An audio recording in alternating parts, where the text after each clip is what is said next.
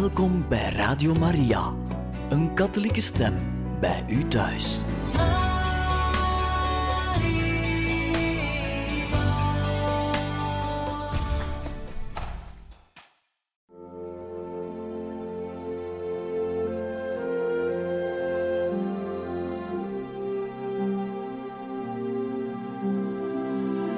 Beste luisteraars van Radio Maria, welkom bij het programma Catechismus. Een overweging bij de geloofschat van de kerk.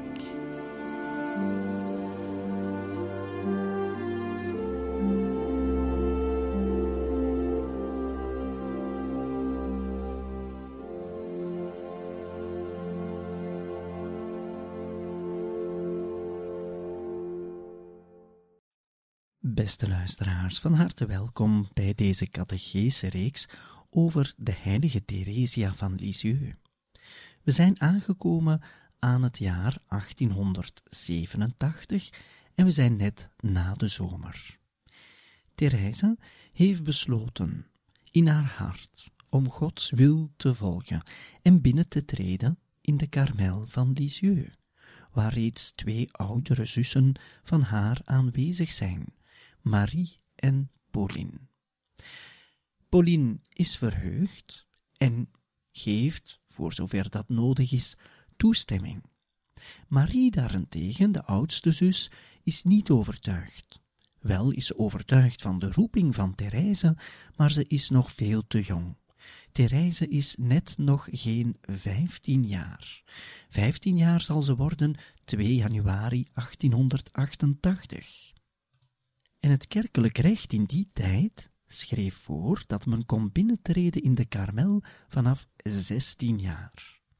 Praktisch gezien was dat meestal vanaf 17 jaar of ouder. En dus denkt Marie dat Therese maar wat moet wachten. Therese is reeds naar haar vader gegaan en van haar vader heeft zij de toestemming gekregen om vervroegd binnen te gaan. Maar dan is er nog de nonkel, de broer van de moeder van Therese, gestorven moeder Zélie Martin. En de broer, nonkel Isidore, moest ook een toestemming geven. Hij was namelijk officieel medeverantwoordelijk voor de kinderen van de Martins. Hij zal zijn toestemming niet geven. Wederom is hij overtuigd van de roeping van Therese. Maar zou het niet beter zijn om de roeping te laten volwassen worden, te laten rijpen en dus nog een beetje te wachten vooraleer Therese mag binnengaan? Dat is het eerste obstakel. En dat obstakel zal bewerkt worden, voornamelijk begin van de maand oktober 1887. De zus Pauline zal een brief schrijven naar nonkel Isidor, met de vraag, zonder te veel invloed te geven, met de vraag of Therese al dan niet zou mogen binnentreden, omdat het werkelijk de wil van God is. En het is pas na twee weken, eind oktober, dat nonkel Isidor ja zal zeggen. Maar dan komen er nog obstakels. Zo zal in de eerste plaats de pastoor van de parochie in Lisieux geen toestemming geven. Moest hij daarvoor toestemming geven? Ja, eigenlijk wel. Want hij was van de bisschop van het bisdom Bayeux-Lisieux verantwoordelijk voor het klooster van de Carmel in Lisieux. En wederom zal hij zeggen dat Therese maar wat moet wachten, vooraleer zij binnentreedt. Wederom is het de leeftijd die speelt. Maar, zegt hij erbij, ik zal wel gelukkig zijn als de bisschop u wel toestemming geeft, maar ik kan dat niet. Hij zegt dat hij ook maar een vicaris is van de bisschop. En zo zal het gebeuren op 31 oktober 1887 dat Therese samen met haar vader naar de bisschop van Bayeux-Lisieux gaat, die woonachtig was in Bayeux zelf, enkele kilometers van Lisieux. Ze gaan er met de trein naartoe en ze worden verwacht bij de bisschop. De bisschop zelf zal zijn toestemming niet kunnen geven, maar hij belooft over Therese te zullen praten met verschillende mensen, il om een oordeel te kunnen vellen. Maar hij zegt er vooraf aan toe dat het waarschijnlijk een nee zal zijn.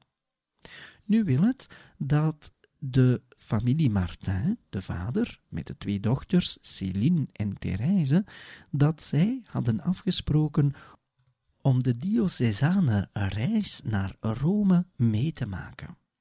En dus wordt er tijdens het gesprek met de bisschop ook gesproken over die reis naar Rome. De bisschop zelf zal niet deelnemen, maar wel een bisschop van het bisdom ernaast. Dat is het bisdom van Coutances. En beide bisdommen zullen deze reis organiseren op weg naar Rome, via verschillende andere steden die men zal bezoeken. Een hele mooie lange reis. Therese ziet er al naar uit. En ze hebben ergens de verwachting dat ze de paus van die tijd, dat was paus Leo XIII, dat zij hem zullen zien en ontmoeten. En de vader van Therese zal op het moment dat hij spreekt met de bisschop zelfs zeggen: Als u geen toestemming geeft, en dat zegt hij op een hele vriendelijke manier, als u geen toestemming geeft, dan zal mijn dochter het zelfs waarschijnlijk vragen aan de paus. De bisschop, zeker ook onder de indruk van de gedurfdheid van de vader, zal toch op een goede manier afscheid nemen van Therese en haar vader. Therese is ongelukkig, ongelukkig omdat ze denkt dat haar plan om binnen te treden in de Karmel eigenlijk te veel obstakels kent maar ze geeft de moed niet op. De bisschop had nog beloofd dat ze tijdens haar reis naar Italië en naar Rome waarschijnlijk nog een officieel antwoord zou mogen verwachten van hem, van de bisschop dus, of ze al dan niet zou kunnen intreden in de Karmel. Maar op dit moment stuit zij dus op een nee. En het plan om binnen te treden op kerstmis 1887, een jaar na haar volledige bekering wel, is misschien niet echt haalbaar. We lezen even een korte passage uit de autobiografie van Theresa, waarin ze schrijft over de ontmoeting met de bisschop. En zo schrijft Theresa. We wachten op hem in zijn kamer. Daar stonden drie enorme fauteuils voor de schoorsteen, waarin een flink vuur brandde. Toen we zijn hoogwaardigheid zagen binnenkomen, knielde papa naast mij neer om zijn zegen te ontvangen.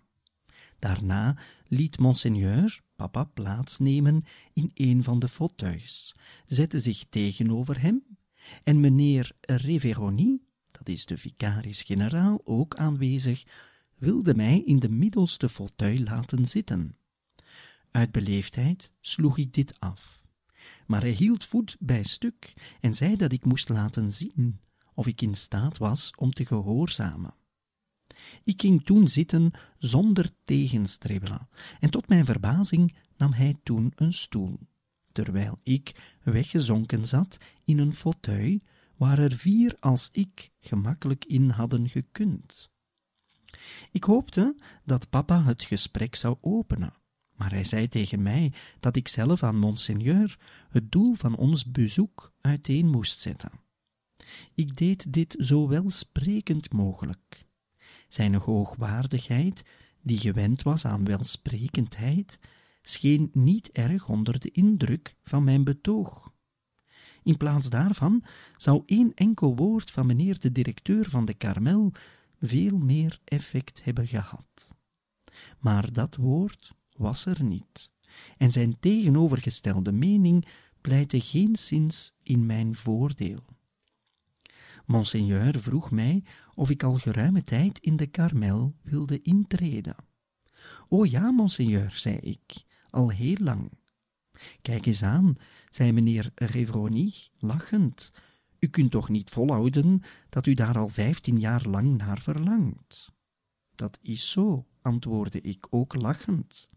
Maar ik hoef er toch niet veel jaren af te trekken, want ik wil de zuster worden zodra ik mijn verstand leer te gebruiken. En ik wilde naar de Karmel direct toen ik die goed had leren kennen, want ik vond dat in die orde alle verlangens van mijn ziel vervuld zouden worden. Ik weet niet of dat precies de woorden zijn die ik toen gesproken heb. Ik geloof dat het nog minder fraai gesteld was, maar dat is wel de zin ervan. In de mening dat dit papa aangenaam zou zijn, probeerde monseigneur mij nog enkele jaren bij papa te laten blijven. Hij was dan ook niet weinig verrast en gesticht toen hij zag dat papa mijn partij trok en meevroeg om toestemming voor mij om met vijftien jaar te mogen intreden. Maar het haalde allemaal niets uit. Hij zei dat er eerst een onderhoud nodig was met de directeur van de Karmel, alvorens hij hierover een beslissing kon nemen. Ze hadden mij niets kunnen vertellen wat mij meer verdriet deed, want ik wist hoe onze directeur zich vierkant tegen het plan verzette. Zonder rekening te houden met de raad van meneer Reveroni, liet ik niet alleen diamanten zien aan monseigneur, maar ik gaf ze hem in overvloed. Ik zag wel dat hij getroffen was. Hij drukte mijn hoofd tegen zijn schouder en liefkoosde mij zoals hij dat naar het schijnt nooit bij iemand gedaan had. Hij zei mij dat alles nog niet verloren was, dat hij heel blij was dat ik naar Rome zou reizen om mijn roeping te versterken, en dat ik blij moest zijn in plaats van te schreien. Hij zei er nog bij dat hij de volgende week toch in Lisieux moest zijn en dan over mij zou spreken met de pastoor van de Sint-Jacob en dat ik zeker in Italië antwoord van hem zou krijgen. Ik begreep wel dat het niet zou uithalen als ik nog langer zou blijven aandringen. Ik had overigens geen pijlen meer op mijn boog, want al de bronnen van mijn welsprekendheid waren uitgeput. Monseigneur leidde ons naar de tuin. Papa bezorgde hem vrolijke ogenblikken toen hij hem vertelde dat ik mijn haar had opgestoken om er ouder uit te zien.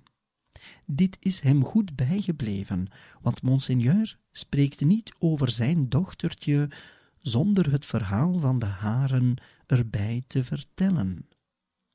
Meneer Reveroni liep met ons mee tot aan de uitgang van de tuin.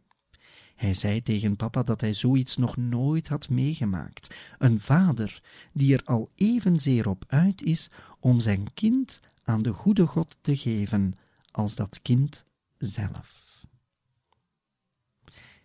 En zo hebben we deze mooie getuigenis van Therese, die niet mag binnentreden in de Karmel op vijftien jaar. Maar dan komt de reis naar Rome, en daarover zo dadelijk meer.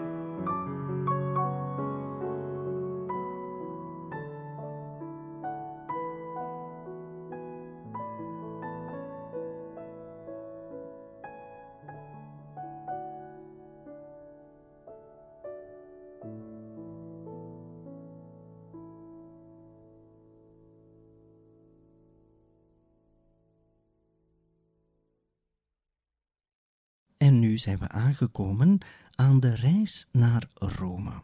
De reis, zeg maar, van haar leven. De eerste maal dat Therese echt gaat reizen en veel zal zien. Ze zal veel bezoeken, beginnend in Parijs. In Parijs gaat de vader, zeer speciaal met zijn dochters, naar onze lieve vrouw van de overwinning, Notre-Dame de Victoire.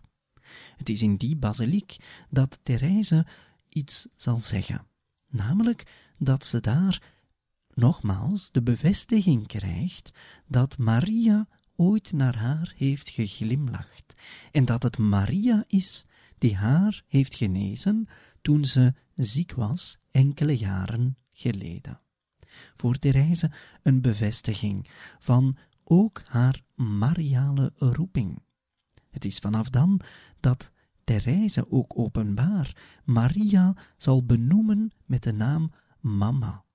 Natuurlijk, ze heeft haar eigen moeder reeds moeten afgeven op vier en een half jaar. En zij zal Maria nu echt kunnen zien als een echte moeder, als een mama. En zo is Maria zeker ook voor Therese. We weten ook dat zij deze reis eigenlijk beleeft als verdieping van haar roeping, maar ook met een intentie om te mogen binnentreden op vijftienjarige leeftijd in de Karmel van Lisieux. Het was een grote en belangrijke reis. Twee bisdommen organiseerden deze reis. In totaal waren er bijna 200 aanwezigen, 200 bedevaarders, die met de terrein op weg gingen. Zo waren er 111 mensen uit het bisdom van Coutances, waaronder één bisschop, 38 priesters en 72 anderen. Uit het bisdom Bayeux waren er 70 mensen, waaronder 28 priesters en dan nog 42 anderen. En dan waren er nog verschillende mensen vanuit andere bisdommen aangesloten aan deze bedevaart, in totaal 16 mensen, waaronder zes priesters en 10 anderen. In totaal dus 197 mensen, met 197 vertrokken naar Italië. Voor Therese, die een beetje schuchter was, verlegen, met een zwakke gezondheid, die het sociale leven op school moeilijk aankon, was dit een echte grote reis. Een grootse reis. En ze zal dit evenement in haar autobiografie zeer ruim bespreken. In totaal zal zij 24 bladzijden besteden aan die reis naar Rome. Natuurlijk, het was de enige grote en de grootste reis die zij heeft meegemaakt in haar korte leven. Vandaar ook dat het voor haar een grote indruk op haar heeft nagelaten. We gaan het bij het begin, zoals we het reeds eventjes hebben vernoemd, hebben over de ontmoeting van het heiligdom van onze lieve vrouw van de overwinningen. Notre-Dame de Victoire. Therese schrijft daarover het volgende. In Parijs hebben we al de wonderen van de hoofdstad gezien. Ik voor mij vond er maar één enkel bij dat mijn hart stal. Dat wonder was onze lieve vrouw van de overwinningen. Ach, ik zou niet kunnen uitdrukken wat ik voelde toen ik aan haar voeten knielde. De genaden die zij mij schonk, brachten mij zo in ontroering dat ik mijn geluk alleen met mijn tranen kon vertolken, net als op de dag van mijn eerste communie. De heilige maagd deed mij verstaan dat zij het werkelijk geweest was, die tegen mij geglimlacht had en die mij had genezen. Ik begreep dat zij over mij waakte, dat ik haar kind was, en ik kon haar dan ook alleen maar de naam mama geven, want die leek mij nog liever dan moeder. Met hoeveel vuur heb ik niet tot haar gebeden, om mij altijd te behoeden en om al heel gauw mijn droom tot werkelijkheid te doen worden en mij te verbergen in de schaduw van haar maagdelijke mantel. Dat was een van mijn eerste verlangens die ik als kind koesterde. Toen ik groter werd, begreep ik dat het mij juist in de karmel mogelijk zou worden om werkelijk de mantel van de heilige maagd te vinden. Naar die vruchtbare berg ging heel mijn verlangen uit. Ik smeekte ook tot onze lieve vrouw van de overwinningen om alles van mij weg te nemen wat mijn zuiverheid zou kunnen bevlekken. Ik wist wel dat ik op zo'n reis naar Italië heel wat dingen zou tegenkomen die mij in de war konden brengen. Vooral omdat ik het kwaad niet kende, was ik bang dat ik het zou ontdekken.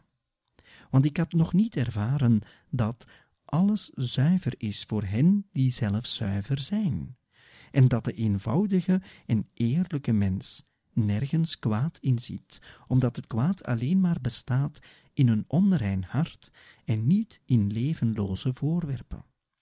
Ik bad ook tot Sint Jozef om over mij te waken.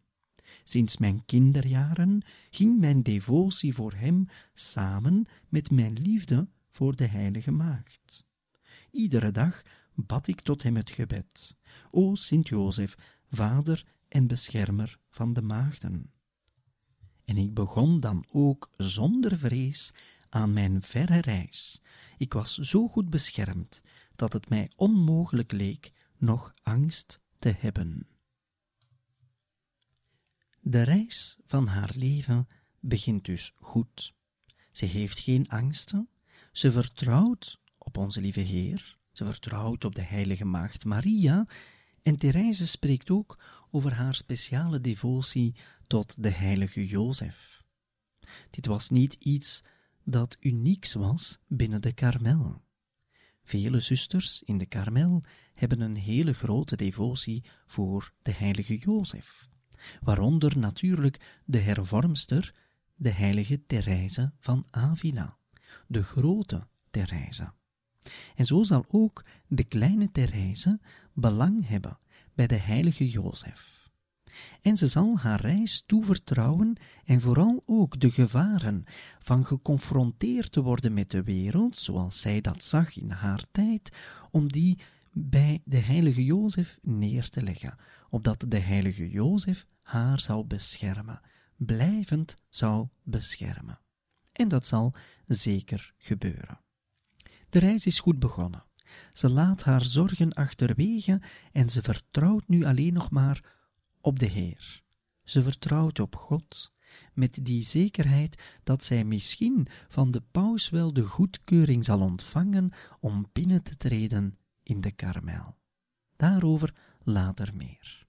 Maar nu eerst die grote reis. Deze begint in Parijs. De vader kende Parijs zeer goed. Hij vond die stad wel gevaarlijk, maar tegelijkertijd mooi, met zoveel geschiedenis. Ook de moeder van Therese had deze stad leren kennen, maar ze was er meer bang voor, voornamelijk omdat haar broer, nonkel Isidor, daar had gestudeerd en toen wat was afgedwaald van het geloof. Dat geloof zal nonkel Isidor terugvinden, gelukkig maar dankzij het gebed van zijn twee zussen, en voornamelijk ook het gebed van zijn zus, die visitandine was bij de visitantinen en die zoveel voor hem had gebeden. Therese begint haar reis dus in Parijs. En er is maar één ding die voor haar belangrijk is. Dat is die aanwezigheid van de heilige maagd Maria in haar basiliek, onze lieve vrouw van de overwinningen. En zo is zij vertrokken naar Rome. Er is dan ook een hele mooie passage die we na de pauze zullen lezen, want ze zal voor de eerste keer het hooggebergte zien en o zoveel sneeuw zien. Daarover zo dadelijk meer.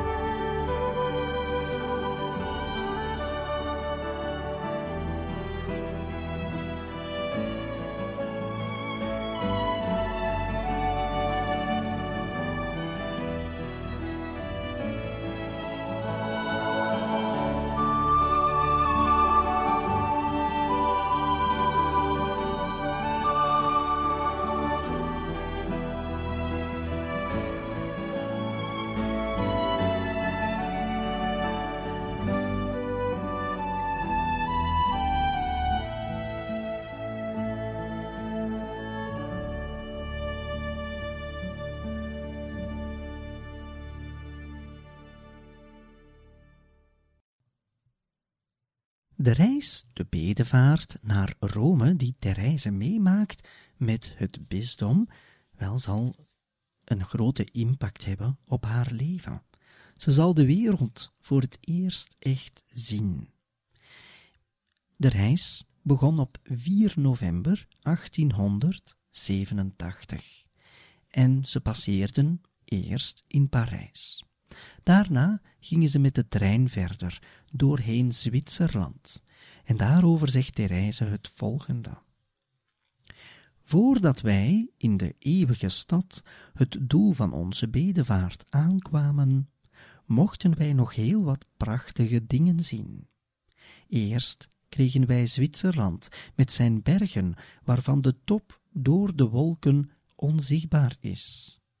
Zijn sierlijke watervallen, die op duizenderlei wijzen omlaag storten, zijn diepe dalen gevuld met reusachtige varens en roze heide. Ach, wat hebben deze prachtige dingen van de natuur, zo kwistig overal verspreid, mij veel goed gedaan.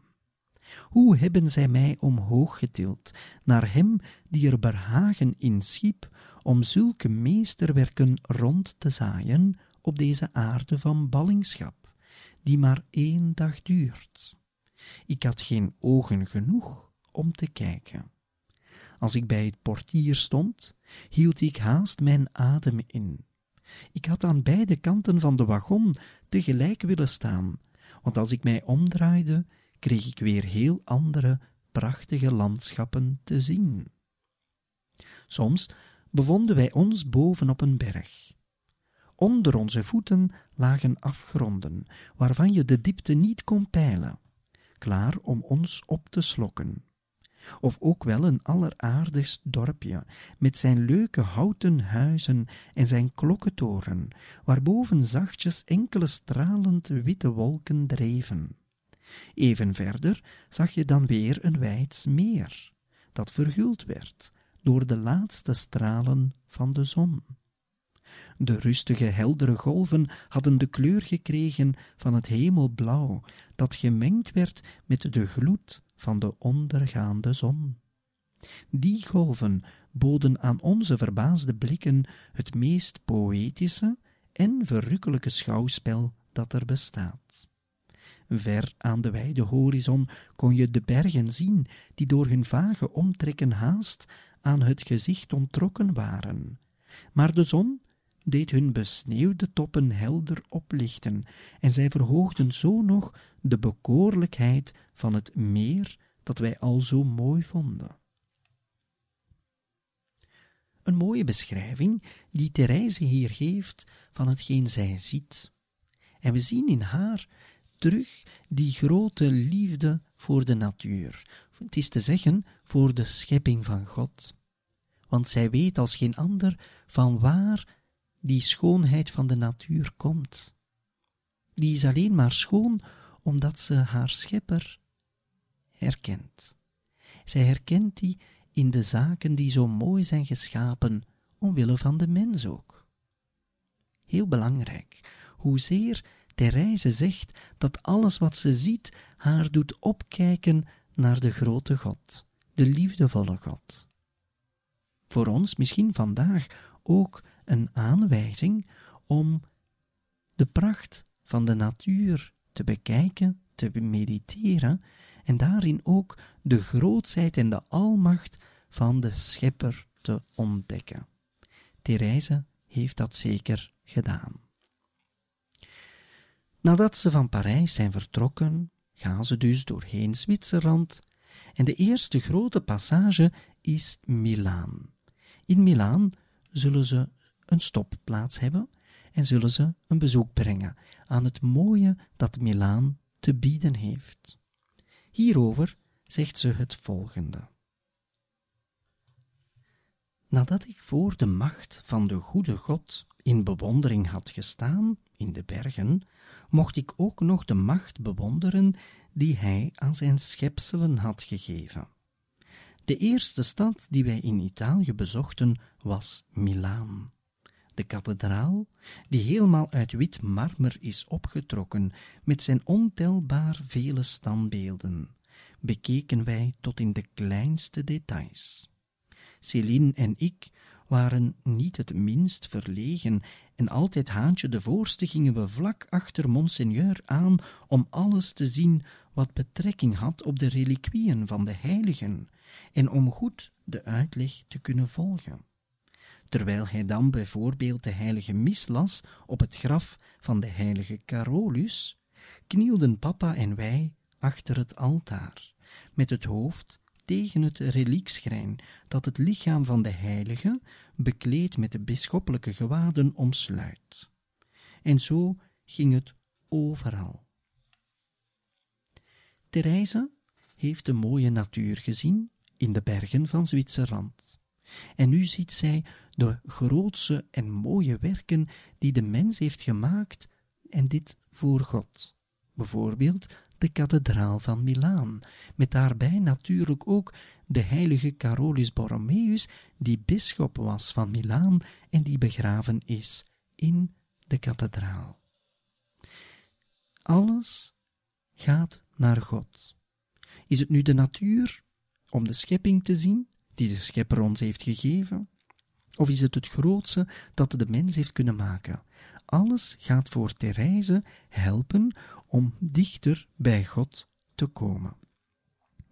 En natuurlijk is het ook een reis, niet alleen om te kijken en te zien, maar ook om te beleven. En ze heeft ook enkele mensen leren kennen. Zo zal ze besluiten zelfs dat het goed is en interessant om mensen te bestuderen als je op het punt staat om je uit de wereld terug te trekken. En zo geeft ze een voorbeeld. Een oude heer, een Fransman, die zeker niet zo poëtisch van aard was, keek ons tersluiks aan en zei op laatdunkende toon, alsof het hem herinnerde dat hij onze bewondering niet kon delen, nou, wat zijn de Fransen toch enthousiast. Ik geloof dat die beste man beter gedaan had om thuis te blijven, want ik heb geen moment gemerkt dat hij met de reis was ingenomen.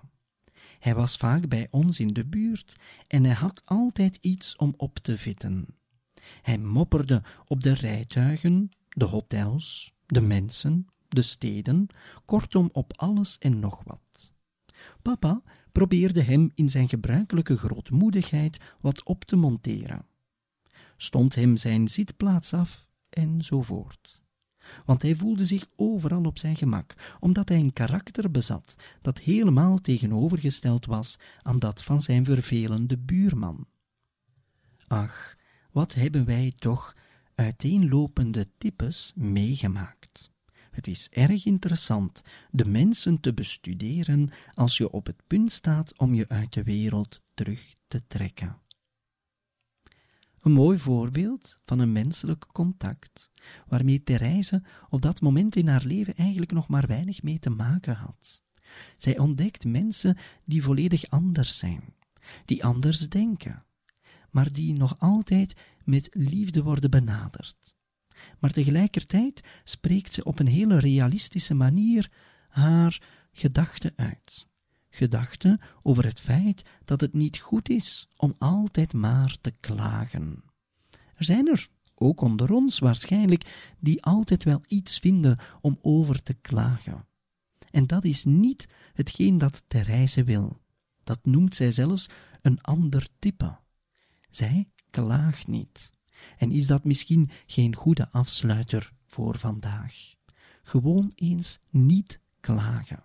En altijd naar onze lieve Heer kijken om van Hem alles te verwachten. Therese doet dat ook en zal zo haar bedevaart naar Rome verder zetten. Over die verdere bedevaart zullen we het in een volgende catechese hebben, waarbij dan ook ter sprake komt dat Therese paus Leo XIII zal ontmoeten.